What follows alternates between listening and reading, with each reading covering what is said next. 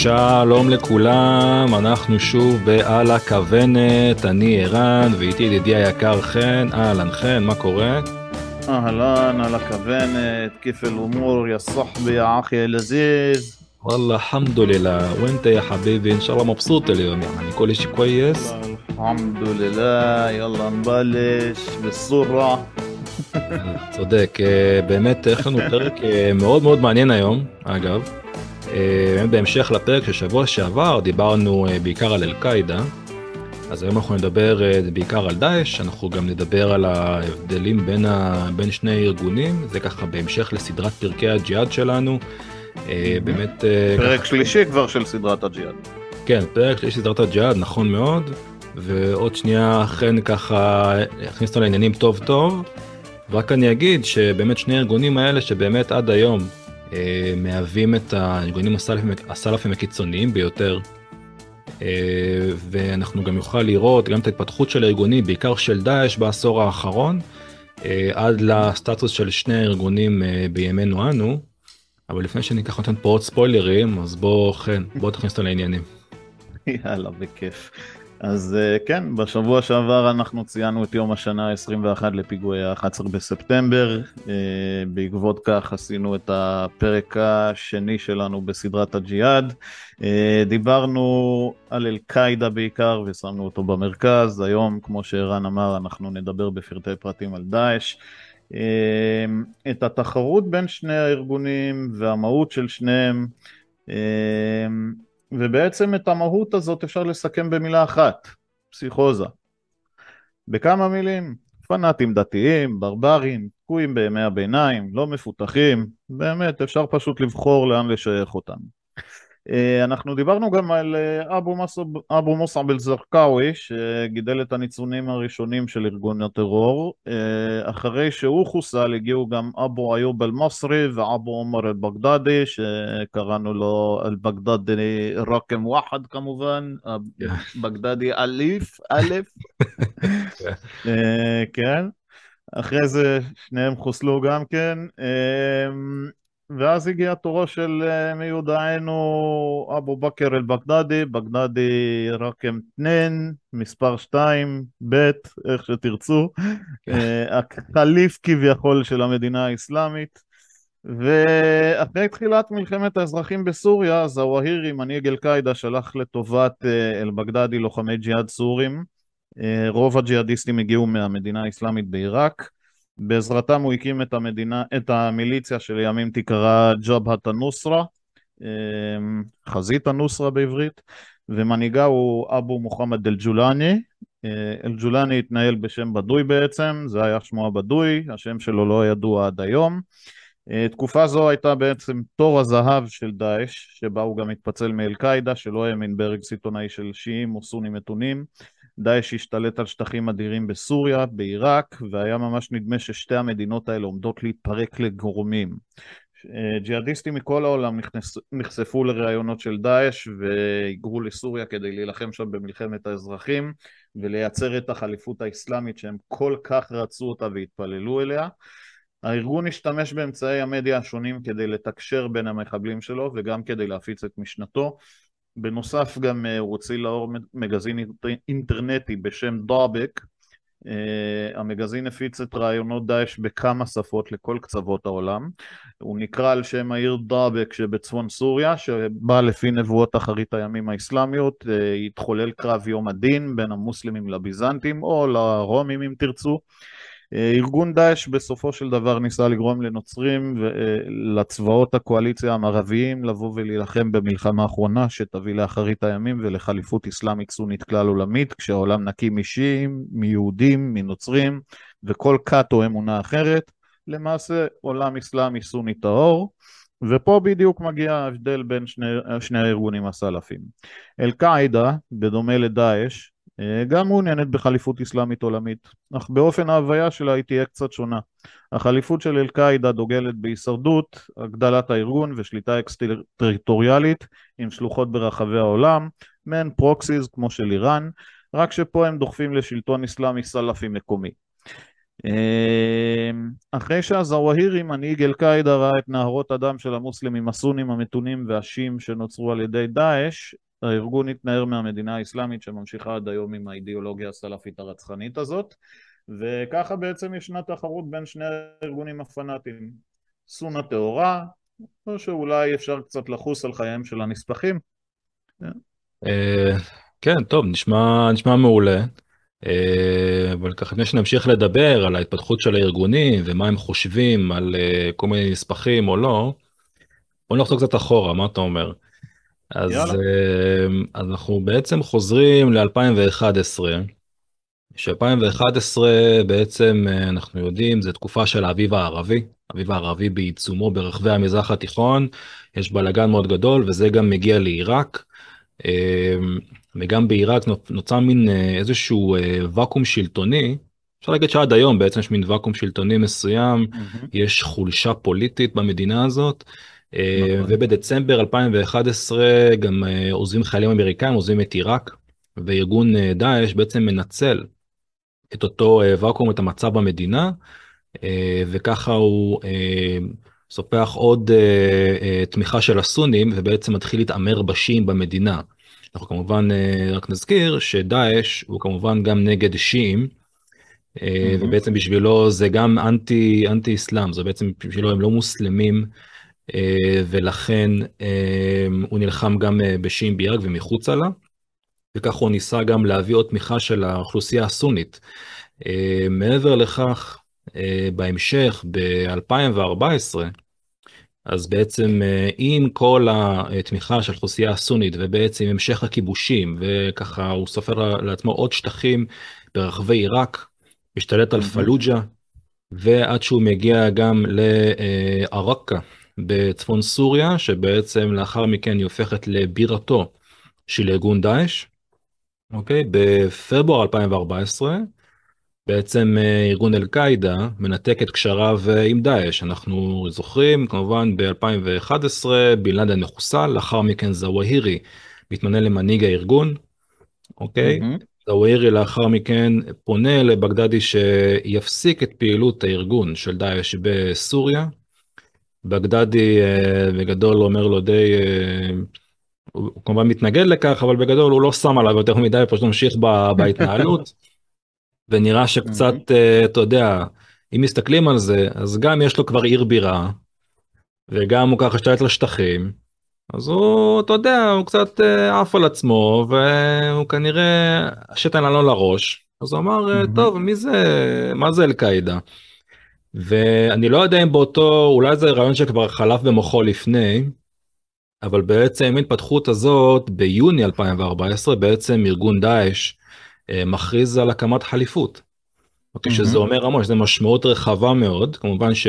שבדדי עומד בראש אה, החליפות, הוא בעצם מוכרז כן. כחליף, מכריז על עצמו בעצם. הוא המליך את עצמו, כן. המליך את עצמו, כן, ובעצם הוא אמיר אל-מואמינים, בסדר? אמיר המאמינים. ומאז בעצם הארגון נקרא מדינה אסלאמית אל-דאולה אסלאמיה, שזה מדהים אגב לראות, תראה גם את ההשתלשלות אתה רואה לפי השינוי בשמות, ההשתלשלות של הארגון הזה, בעצם איך הארגון הזה התפתח. רק נזכיר, mm-hmm. זה התחיל מאל-קאעידה בעיראק, בתקופה של הזרקאווי. כן, לאחר נכון. מכן זה היה uh, מדינה אסלאמית בעיראק. לאחר מכן, עם uh, ניסיון להביא את ג'בת אל-נוסרה תחת כנפיו של ארגון דאעש בסוריה, זה נהיה uh, מדינה אסלאמית בעיראק ואשם, בעיראק ובלבנט. ועכשיו mm-hmm. בעצם הוא קורא לעצמו מדינה אסלאמית, שהמשמעות לכך שבעצם זה כבר לא תחום בשטח, אוקיי? שואף להשתלטות עולמית. בדיוק, זה כבר חליפות שהיא עולמית, אה, ובעצם אה, כשבגדדי מכריע לעצמו כחליף, הוא מבטל אה, גם מבחינת הכוח את כוחו של זוואירי כבעצם מנהיג של, של הארגונים הסלאפים, או ניקח את זה גם ארגונים שמסונפים לאל-קאעידה. ופה מתחילה תחרות מאוד גדולה, בעצם אל-קאעידה כמו שאמרנו מנתק קשר לחלוטין עם דאעש. תכף אנחנו נראה מה זוואירי עושה, הוא לא כופה על שמרה, אבל הוא בונה לו אסטרטגיה משלו, תכף נגיע לזה. מה שכן, אותו מהלך של בגדדי, אה, בעצם אה, מדינות ערב אה, לועגות למהלך הזה. בעצם הן טוענות כשהוא לא יכול להמליך את עצמו כחליף, הוא לא קיבל את ההסכמה של מועצת השורא, אוקיי, הוא לא זכה לאיזשהו ישמע, כן, מטעם אה, אנשי הדת האסלאמית אה, אה, העולמית, והכי חשוב, הוא באחד מהקריטריונים, כן, הוא לא צאצא של שבט קורייש, השבט של מוחמד. Mm-hmm. שזה חמור, אה, חמור ביותר. ו... כן, אה, אה, תשמע, אתה, אני רוצה לציין, אתה דיברת בעצם קודם כל על ההשתלטות וההתרחבות של דאעש. אני זוכר את הימים האלה ב-2014, שדאעש הפציע לראשונה לחיינו, אה, אנחנו שמענו את השם דאעש הזה לראשונה, לא הבנו בדיוק מה הולך שם, ואז פתאום אנחנו ראינו את המפות הענקיות האלה של השטחים שהוא השתלט עליהם גם בסוריה וגם בעיראק. אנחנו ראינו בעצם שהוא שלט על מרבית אה, השטחים בשתי המדינות האלה, ובעצם זה היה נראה לכל בר דעת שהמדינות האלה הולכות לקראת התפוררות. אה, זה היה נראה שבעצם הארגון הזה כאן כדי להשתער, אם הוא הספיק להשתלט על כל כך הרבה שטחים בכל כך מעט זמן, אה, ולהשליט את כוח הזרוע שלו, ולא ראינו בעצם את שתי המדינות האלה יוצאות מהמצב הזה, כאילו... באמת הייתה צריכ, צריכה להיות פה פעולה כלל עולמית כדי לחלץ את המדינות האלה מהמצב שאליהם, שאליו הם נקלעו. אה, אז כן, הם השתלטו על כל השטחים האלה, בסופו של דבר אה, קרו כמה דברים שהובילו לכך שתוקם קואליציה כלל עולמית כמו שציינתי. אה, אני רוצה רק לפני זה לעבור באמת על כמה דברים שקרו שהביאו למצב הזה שתיווצר קואליציה כלל עולמית. אה, בעצם דאעש אחרי שהוא השתלט על השטחים וביצע הוצאות להורג סיטונאיות אה, בהמונים, גם של סונים וגם של שיעים וגם של הרבה זרים שהגיעו לשתי המדינות האלה, אה, בעצם הוא התחיל להרוס גם עתיקות, שזה אומר אה, הרס הזהות והרס ההיסטוריה של העמים והתרבויות שנמצאות באזור. ביולי 2014 קבר דניאל הנביא שהיה במצודת קרקוק בעיראק הוחרב לחלוטין על ידי הארגון. אה, הקבר הזה פעם היה בית כנסת, אחרי זה הוא הפך לכנסייה ואז למסגד, עד שפשוט דאעש השמיד אותו לחלוטין. אה, ביולי 2014 גם כן קבר יונה הנביא בנבי יונס שנמצא בקרבת מוסול בעיראק הושמד על ידי הארגון. אמ, באוגוסט 2015 הארגון התחיל להשמיד אתרים בעיר העתיקה של תדמור, תדמור, סליחה, אה, פלמירה, למי שמכיר. אמ, הוא השמיד את אה, המקדש המדהים של בעל שמן, הוא, את, אה, הוא השמיד את מקדש בל שנבנה במאה השלישית לפני הספירה, הוא השמיד את מגדל אל-האבל או קובת אל-ערוס בשמו הערבי, שזה היה אה, גם כן חתיכת מונומנט אה, עתיק מאוד, אה, ואת שער הניצחון של תדמור. כל זה בתוספת ההוצאות להורג המטורפות שהיו שם, הוא הוציא להורג 25 אנשים על בימת האמפיתיאטרון שם בתדמור, הסריט את זה ב-HD לכל העולם. אה, כולנו ראינו את ההוצאות להורג המטורפות האלה. אה, כל הדברים האלה בעצם הם אלה שהובילו את אה, העולם להקים קואליציה. אובמה בספטמבר 2014 הכריז על מלחמת חורמה בדאעש, קואליציה בינלאומית שתיכנס בימימה של הארגון מה שנקרא. אמ, בריטניה הצטרפה ראשונה לקואליציה הזאת אחרי שכמה וכמה אזרחים שלה הוצאו להורג על ידי הארגון. אמ, אחרי זה באמת הצטרפו מדינות מכל רחבי העולם, אנחנו ראינו שם את אה, אוסטרליה אפילו, אה, מדינות ערב, מדינות המפרץ הפרסי, אה, אירופה כמובן. אמ, אפילו חיזבאללה, ארגון הטרור חיזבאללה שכולנו מכירים, פתאום היה מהכוחות של הטובים, יחד עם רוסיה. כן, אה, כן זה, זה היה מרתק. ולמרות הקואליציה המטורפת הזאת, דאעש המשיך בלחימה עיקשת, אה, אבל בסופו של דבר הוא לא יכל אה, להחזיק מעמד נגד הכוחות האלה, ו... אחרי חצי שנה, סליחה, בחצי השני של 2014 שוחררו מוסול בעיראק ועיר הבירה של דאעש, עראקה בסוריה. בשנת 2019 שוחרר המעוז האחרון של דאעש בסוריה. ובעצם אחרי זה חוסל אל-בגדדי, זה היה כבר אה, בראשותו של טראמפ שהגיע אחרי אובמה. אה, אל-בגדדי חוסל במבצע קיילה מולר, שהיא הייתה בעצם פעילת זכויות אדם אמריקנית, פעילי דש התעללו בה מינית אחרי שהם שבו אותה, אחרי בגדדי, זה גם בגדדי, בגדדי כן, עצמו, בגדדי עצמו, כן. נכון, הוא אנס אותה ורצח אותה, ו...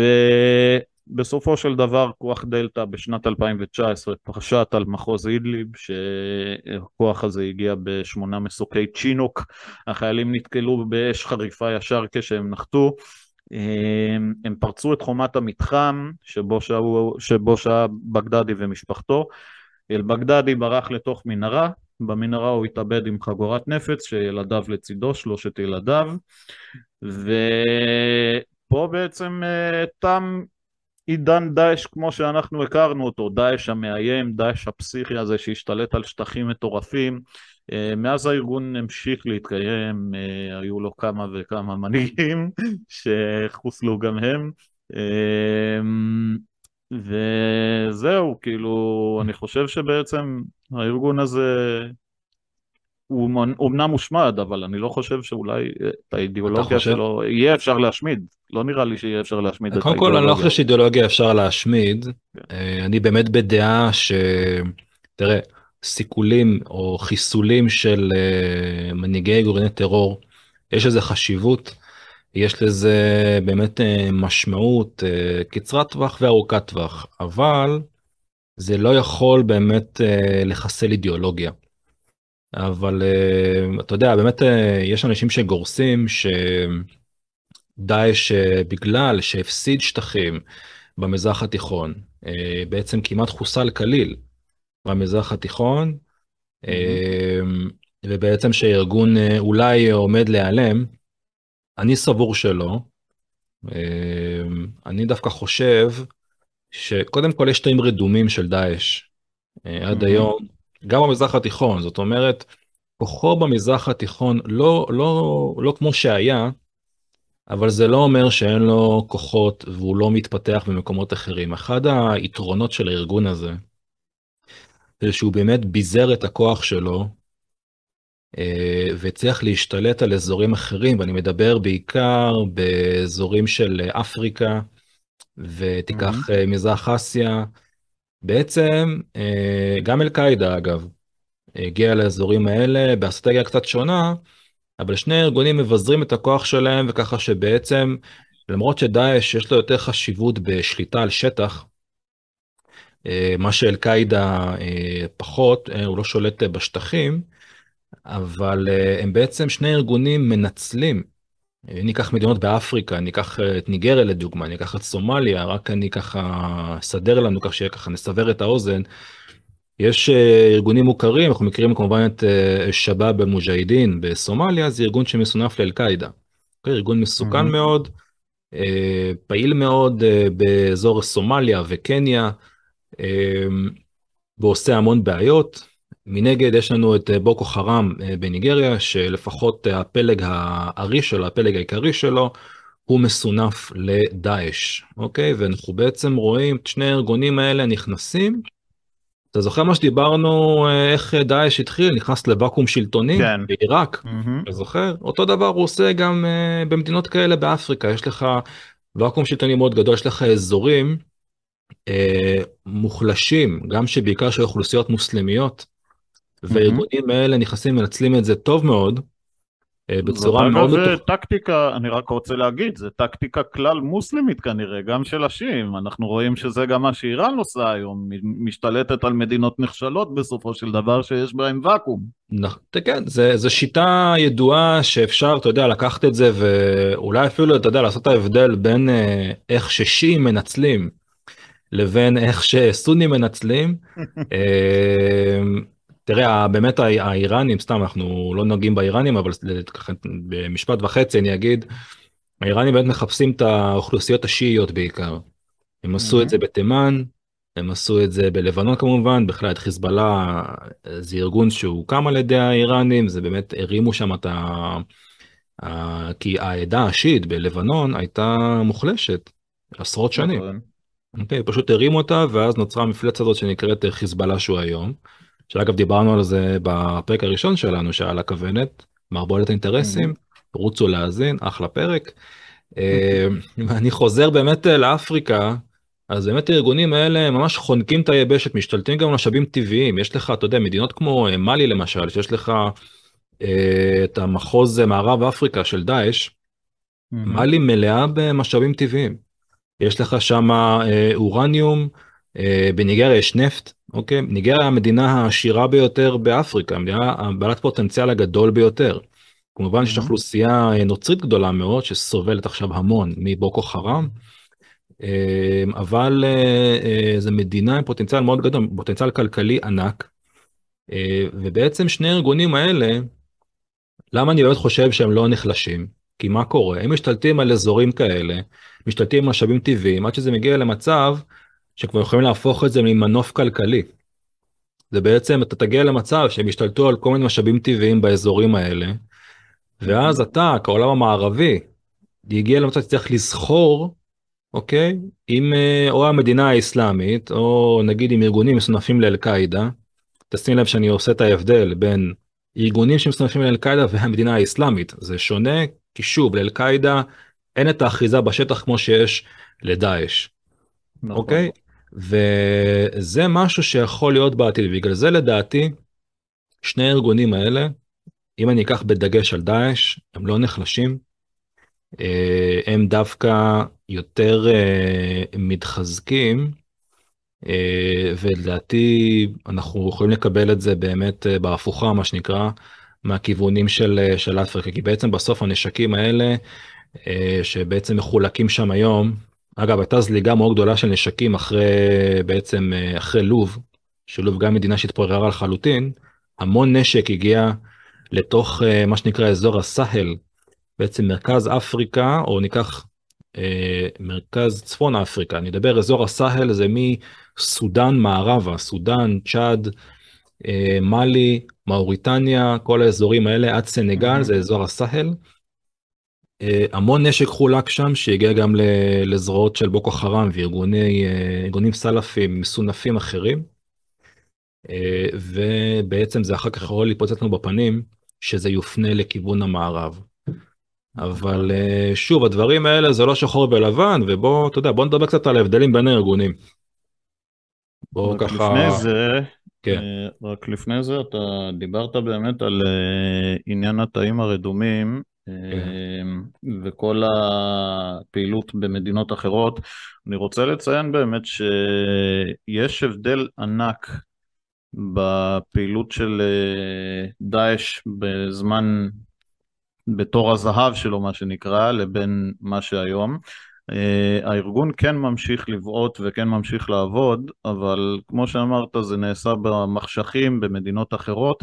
Uh, הוא עבד, הוא גם היום עבד, uh, עובד על תעמולה בעצם, על תעמולה דרך האינטרנט. נכון. Uh, בזמנו התעמולה הייתה הרבה יותר גדולה, התעמולה בעצם uh, הייתה הגורם שהביא את הארגון למימדים כאלה מפלצתיים בשנות ה... בשנים שבהם הוא היה גורם עיקרי בסוריה ובעיראק. אבל התעמולה הזאת הייתה גם בעוכריו בסופו של דבר. היא, היא התעמולה שהביאה למפלה שלו, היא זו שגרמה לכל מדינות העולם לצאת לכיוון סוריה ועיראק ולהילחם בדאעש. כן. אה, כי כולם ראו בעצם את כל ההוצאות להורג האלה בפול HD ואתה אה, יודע, כל השיטות המוזרות שבהם הם הוציאו אנשים להורג, אם זה בשריפה כמו שציינו בפרק הקודם של אה, אל-קאעידה, או ב...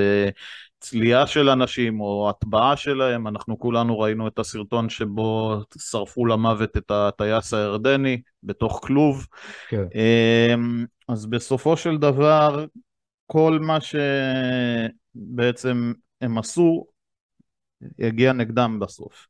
אמ, ובסופו של דבר כל המדינות הגיעו וקדשו את דאעש עד עפר, והמחבלים שלו בין היתר הוצאו להורג, אם זה על ידי חיזבאללה ועל ידי הסורים, הכורדים, או שהם נשפטו או שהם פשוט נמלטו במסווה של פליטים וחזרו למדינת מוצאם אה, והפכו שם לתאים רדומים כמו שאמרת. אנחנו דיברנו גם בפרקים הקודמים על זה שגם היום אנחנו יכולים לראות באירופה הרבה פיגועים אה, שאנחנו לא שומעים עליהם יותר מדי ויש שם הרג של כמרים כמו שאתה ציינת באחד הפרקים אה, בכלל דברים שאנחנו לא שומעים עליהם במערב לפחות פה בארץ ישראל ואני רוצה גם להשוות את זה קצת אה, לעניין הטליבן. אה, לא מזמן בעצם הטליבן אה, השתלט על אפגניסטן, כולנו ראינו את זה. ההבדל בין... כן, ההבדל בין דאעש לטליבן זה שטליבן לא מוציא סרטוני HD כאלה ובהפקות מטורפות וכאילו הארגון הזה משתלט בכיף על אפגניסטן, אה, מדינה שנמצאת בעוני מחפיר כיום, והעולם לא פונה נגדה. גם, גם כשהעולם כן פנה נגד הטליבן, זה היה בעיקר ארצות הברית, אה, כן. עוד קצת מדינות אירופה, אבל אנחנו לא רואים באז מטורף כזה נגד הטליבן, כמו שאנחנו ראינו אה, נגד דאעש. ומפה באמת אפשר להסיק שהתעמולה הרשתית היא זאת שהייתה בעוכריו של הארגון. אני חושב ש...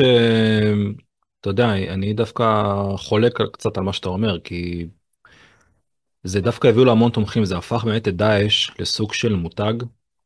אוקיי, יש לו המון, הרי הרבה פיגועים של, אה, אם ניקח אה, מה שנקרא זאבים בודדים, התופעה של זאב mm-hmm. בודד, זה לאו דווקא אנשים שהיו חברים בארגון, כשאני אומר חברים בארגון זה לאו דווקא אנשים שאתה יודע, הגיעו לסוריה או לעיראק, אוקיי, אפילו למזרח התיכון, אתה יודע, דרך טורקיה או משהו, והצטרפו לשירות דאעש, אלה פשוט אה, נשברו אמונים, צפו בסרטונים, ובאמת הרבה חומר מקוון, מה שנקרא, וככה הם החליטו שהם עושים, יוצאים ועושים מעשה. זאת אומרת שלא קיבלו איזושהי הכוונה מסוימת, אולי אתה יודע, אפשר להגיד שהם אלה שכן יצרו קשר עם אנשים ולא לקחו את זה על דעת עצמם, אז היה להם איזשהו קשר כושר, אבל זה לא שיוך ארגוני, מישהו שהוא חבר באיזה, אתה יודע, mm-hmm. אה, סניף של דאעש או משהו במחוז כזה וכזה. זה יכול להיות אחד שהוא אפילו מישהו שהוא התאסלם במיוחד, והוא חי עכשיו בארצות הברית, בניו מקסיקו כזה, והוא לוקח מעשה והוא החליט שעכשיו כל החברים שלו מהבית ספר זה חבורה של צלבנים והוא רוצח את כולם. Mm-hmm. אני כתבתי לא מזמן על באמת על כל מיני אתה יודע היה אה, זוג אמריקאי מוסלמי אמריקאי שהם החליטו לעשות אה, רצו לצאת הם תמכו בדאעש הפיצו המון חומר על דאעש ברשת במשך שלוש mm-hmm. שנים. אה, והם רצו לצאת באמת להצטרף לשורות דאעש זה לא עלה בידם והחליטו לעשות משהו בארצות הברית אז אתה מבין זה משהו לקחו זה על דעת עצמם. אה, וזה אתה, אתה רואה שבעצם הארגון לא מת וגם אם עכשיו הוא נחלש באזורים מסוימים א' כן. כמו שאמרתי הוא מתחזק באזורים כמו אפריקה למשל. Mm-hmm. ויש לו כמובן עדיין תומכים באירופה אנחנו רואים כל פעם תקריות כאלה שזה דווקא התקשורת באמת אה, אה, די אה, זאת אומרת הרבה אירועים אנחנו לא שומעים עליהם ואתה רואה את זה גם בעיקר בבריטניה, זה קורה גם בגרמניה, בצרפת, בכל מיני מדינות מערב אירופה, שדווקא אתה רואה אנשים שהם מקומיים, זאת אומרת, אה, זה באמת בעיקר מוסלמים, או כאלה שהתאסלמו, אוקיי, mm-hmm. הוא שינה את השם שלו לשם אה, מוסלמי, והם בריטים לכל דבר, וגרמנים וצרפתים לכל דבר, והם תושבי המדינה, וגדלו ונולדו במדינה, ועושים את הדברים האלה. אה, מעבר לפחד הגדול, אה, כמובן שגם היה בגרמניה, שהרבה פליטים שהגיעו זה דווקא אנשי דאעש סמויים, זה מבחינת התאים הרדומים. ויכול להיות שעוד ימשיכו לתקוף באירופה, אה, או בארצות הברית, או לצורך העניין אירופה או צפון אמריקה, ארצות הברית, קנדה גם. כן, לא, אבל אי אפשר להגיד שהארגון, אתה יודע, הוא לא בשיא שלו. הוא בסופו של דבר, התעמולה הרשתית הזאת כן הביאה למחיקה של הארגון. הארגון הפסיד את כל השטחים שלו בסוריה ובעיראק, הוא הפסיד את עראקה וכל האזור של דאבק שם, שדרכו okay. אוקיי. יגיע, יגיעו אחרית הימים. אה, הוא כבר לא יכול בעצם להגיע למצב של חליפות אסלאמית כלל עולמית, כמו שהוא מתכנן, כי הוא הפסיד את השטחים האלה. קודם כל את מבחינתו השטחים הוא כבר, שמהם תתחיל הלחימה. קודם כל מבחינתו הוא כבר הכריז על, החל, על החליפות, החליפות קיימת מבחינתו, הכריז עליה. אמ, אבל אתה יודע, אה, לא מאוחר היום, או בוא נגיד ייתכן, ובעתיד הלא רחוק אנחנו נראה שתקום אה, אה, בירה חדשה לדאעש, אולי אתה יודע, בסומליה כזה. אגב, יש אה, סומליה, יש גם, אה, דאעש גם נמצא בסומליה, יש מכתב אל-קרר, זה המרכז אה, של אה, דאעש בסומליה. אני דיברתי על אל-שבאב, שזה מסונף לאל-קאעידה. אולי אתה יודע, אולי בכלל תהיה להם בירה חדשה באזור אפריקה או במזרח אסיה. יש איך זה הרבה... מתיישב עם הנבואות? טוב, אתה יודע, נבואה לחוד, מציאות לחוד, מה אני אגיד לך? כן. נבואה אומרים שאתה יודע, ניתנה לה שוטים, אז אולי הם קצת אה, שוטים במקרה הזה. אולי ככה באמת לסיום, אולי ככה קצת באמת נדבר על ההבדלים בין שני הארגונים, אה, ניגע כן. בזה קצת יותר. אה, אז אתה יודע, מה שאני אמרתי באמת לגבי אפריקה למשל, אז אה, אם דאעש יש לו יותר גישה לשטח, וזה גם אגב ההבדל בין שני הארגונים, שאל-קאעידה דוגל באמת במה שנקרא לפגוע באויב מרחוק. לעומת אה, דאעש שהעדיף להתמקד באויב מקרוב. זה יותר משטרים אה, מוסלמים מושחתים מבחינתו, בסדר? אה, מה שראינו שהוא עשה בעיראק, בסוריה וכ- וכדומה. ואל-קאעידה דווקא מתמקד יותר בצלבנים מרחוק, אך מה שראינו באמת מה שהיה בניו יורק, בפיגוע מגדלי התאומים, זו דוגמה מצוינת לכך. אבל. מבחינת שני ארגונים, צריך להבין, דיברת, אתה יודע, על, על דאבק כדוגמה. מהמם. זה מבחינה אידיאולוגית, אנחנו מדברים פה באמת על אה, אנטי מערביות ואנטי צלבנים, וכבר לוקחים את ההיסטוריה לימינו אנו, ומבחינת אה, שני הארגונים האלה, אפילו מדינות מוסלמיות, הרי זה לא באמת מדינות שהוקמו על ידי מוסלמים, הרי מה זה סוריה, ירדן, מצרים, אה, טוניסיה, זה מזימה מהמם. מערבית, אוקיי? זה מבחינתם, אתה יודע, כן. הקולוניאליזם, אנחנו אפילו ראינו, אתה ראית לפני כמה שנים, איך שפעילי דאעש בעצם מוחקים את הגבול שנוצר על ידי סייקס פיקו, בהסכמי סייקס פיקו, אה, וזה, וזה אומר הכל, מבחינת אידיאולוגיה של. שני הארגונים האלה, הם בעצם רוצים להחזיר עטרה ליושנה. אה, ובעצם אנחנו רואים גם אגב, אה, אנחנו רואים גם אגב פעילות של דאעש לפחות, אני לגבי אל-קאעידה לא אספתי עוד את החומר, אה, אבל אנחנו כן רואים על דאעש שבעצם הוא כן מבצע פיגועים בשנים האחרונות, אה, כן. אתה יודע, בשנות 2022, 21, 18, נכון, גם הרבה אחרי שהוא הושמד, כביכול הושמד. כן, אמ, אנחנו רואים למשל פיגועים אה, באפגניסטן שנעשו על ידי דאעש, גם ראינו פה בארץ, אה, פיגוע של דאעש בבאר שבע, פיגוע של דאעש בחדרה, דאעש לקחו אחריות על זה דרך סוכנות הידיעות שלהם, עמק, כן, יש להם סוכנות ידיעות. אמ, אנחנו ראינו גם לא מזמן, לפני חודש בערך, ראינו גם כן עוד פיגוע באפגניסטן בשגרירות הרוסית בכבול, אה, מחבל מתאבד פוצץ את עצמו שם על אה, אנשי השגרירות והביא לשני הרוגים ו-11 פצועים. אה, בסופו של דבר, אה, לפני חודש פורסם דוח של האו"ם, חודש וחצי אפילו, פורסם דוח של האו"ם שאמר שהארגון דאעש ממשיך לאיים על השלום והביטחון העולמי, למרות ההפסדים שנגמרו לו בעשור האחרון והפגיעה בהנהגתו. אה, הדוח הזה אומר שהאיום שנשקף מכיוון דאעש עדיין גבוה מאוד במדינות משוסעות, כמו שאתה אמרת מקודם, סוריה, עיראק, אפגניסטן ומדינות אפריקה, וצוין כי סוריה ועיראק עדיין מאוד מאוד פגיעות מצד הארגון. כן. אמ, כן, נכון, אמ, שוב, אני חושב שאם דאעש קיבל מכה או מקבל מכות במזרח התיכון, הוא מגיב בצורות אחרות. זאת אומרת, מבחינה צבאית במזרח התיכון הוא מוגבל, אה, ולכן זה מראה לך, אגב, תאר לך שאם בעצם הכוח שלו במזרח התיכון הוא מוגבל, אתה מבין את, ה, את הכוח הרשתי של הארגון הזה, שאיך יוצאת פקודה לבצע משהו באזורים אחרים בעולם. אוקיי? או יותר מזה, אם יש לך תומכים של דאעש שרואים מה שקורה עכשיו בסוריה, שמכים בדאעש והם רוצים לנקום בשם דאעש, אתה מבין? אז זה מראה לך את התמיכה הגדולה שיש לארגון הזה, אם מתאים רדומים או לא, או באמת מאנשים שהם באמת תומכים בארגון. ואז אני באמת חושב שהארגון הזה היום הוא מותג, זה מותג של טרור, וזה מאוד מאוד תרם להפרטת התעמולה, וזה באמת גרם גם לדעיכה של אל-קאעידה מנגד. אני פשוט רוצה להגיד משהו לקראת סיום שלדעתי, אמרתי, אמרתי שאני אגיד משהו לגבי זוואירי, שהוא לא, לא סתם, יש לו, הייתה לו אסטרטגיה. Mm-hmm. עם העלייה של דאעש בעצם, אז כמובן שאל-קאעידה נדחק, נדחק הצידה, הוא עשה פחות פיגועים בפרופיל גבוה, ראינו הרבה פחות פיגועים מטעם זה, אבל זה בעצם יותר כדי לגרור את המערב, בעצם להילחם בדאעש, שבעצם דאעש יספוג את כל האש, והם לא כופים על שמריהם, הם בעצם מתכוננים, ולדעתי זה מה שגורם לאל-קאעידה להיות ארגון מאוד מסוכן גם כיום, שבעצם מחכים לדעתי ליום פקודה. אמנם זוואירי חוסל, אבל כמו שאמרתי, אתה לא יכול לחסל אידיאולוגיה ויקום עכשיו מישהו חדש, אם זה יהיה סרף אל-עדל או מישהו אחר, mm-hmm.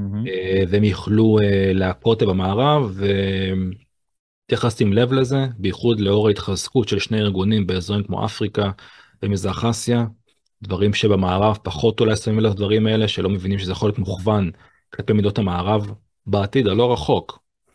אוקיי? אה, אז ככה שאל-קאעידה, אני חושב שהם אומנם עוסקים בהישרדות אה, ופחות בשגשוג, ואומנם אה, דאעש ככה שמט את הקרקע מתחת לרגליים שלהם מהקמה של חליפות, אוקיי? כי בעצם אתה לא יכול שיהיה שתי חליפויות, אוקיי? ומבחינת אל-קאעידה זה עדיין לא הזמן להקים חליפות, צריך קודם לשרוד, ואז לפתח, לבנות את הכוח שלך, ואז לתקוף, שזה אגב אחד המוטיבים של ג'יהאד. שאתה קודם כל, אתה לא פועל כשאתה חלש. אתה, אתה נכון. ממתין, מחכה בסבלנות, הסבר, ואתה תוקף כשאתה חזק.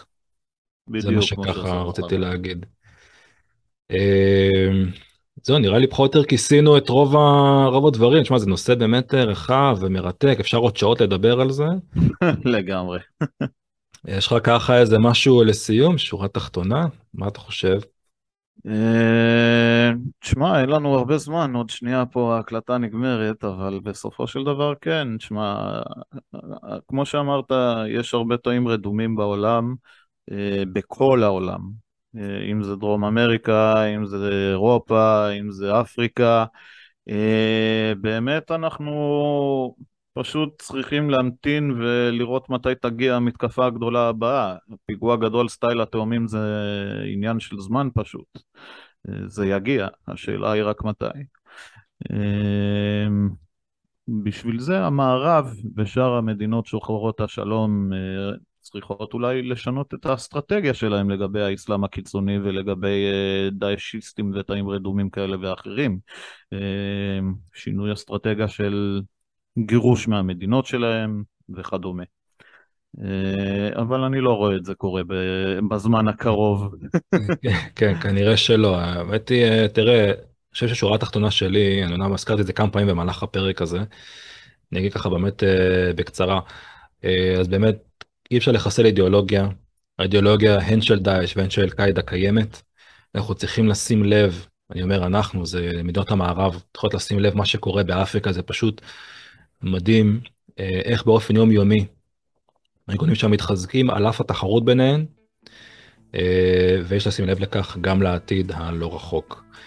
אז אה, זהו חברים, זה על הכוונת שלנו להשבוע, מקווים שנהנתם. אם אהבתם את הפרק הזה באמת תשתפו, תגיבו, אנחנו קוראים את התגובות, תעשו לייק, תצטרפו לערוץ שלנו. אה, ובתיאור למטה אתם יכולים לראות שלכם אה, כישורים אה, לערוץ שלכם, לערוץ שלי, ואנחנו נתראה בשבוע הבא. יאללה ביי. הסלאמי על הכוונת. הסלאמי.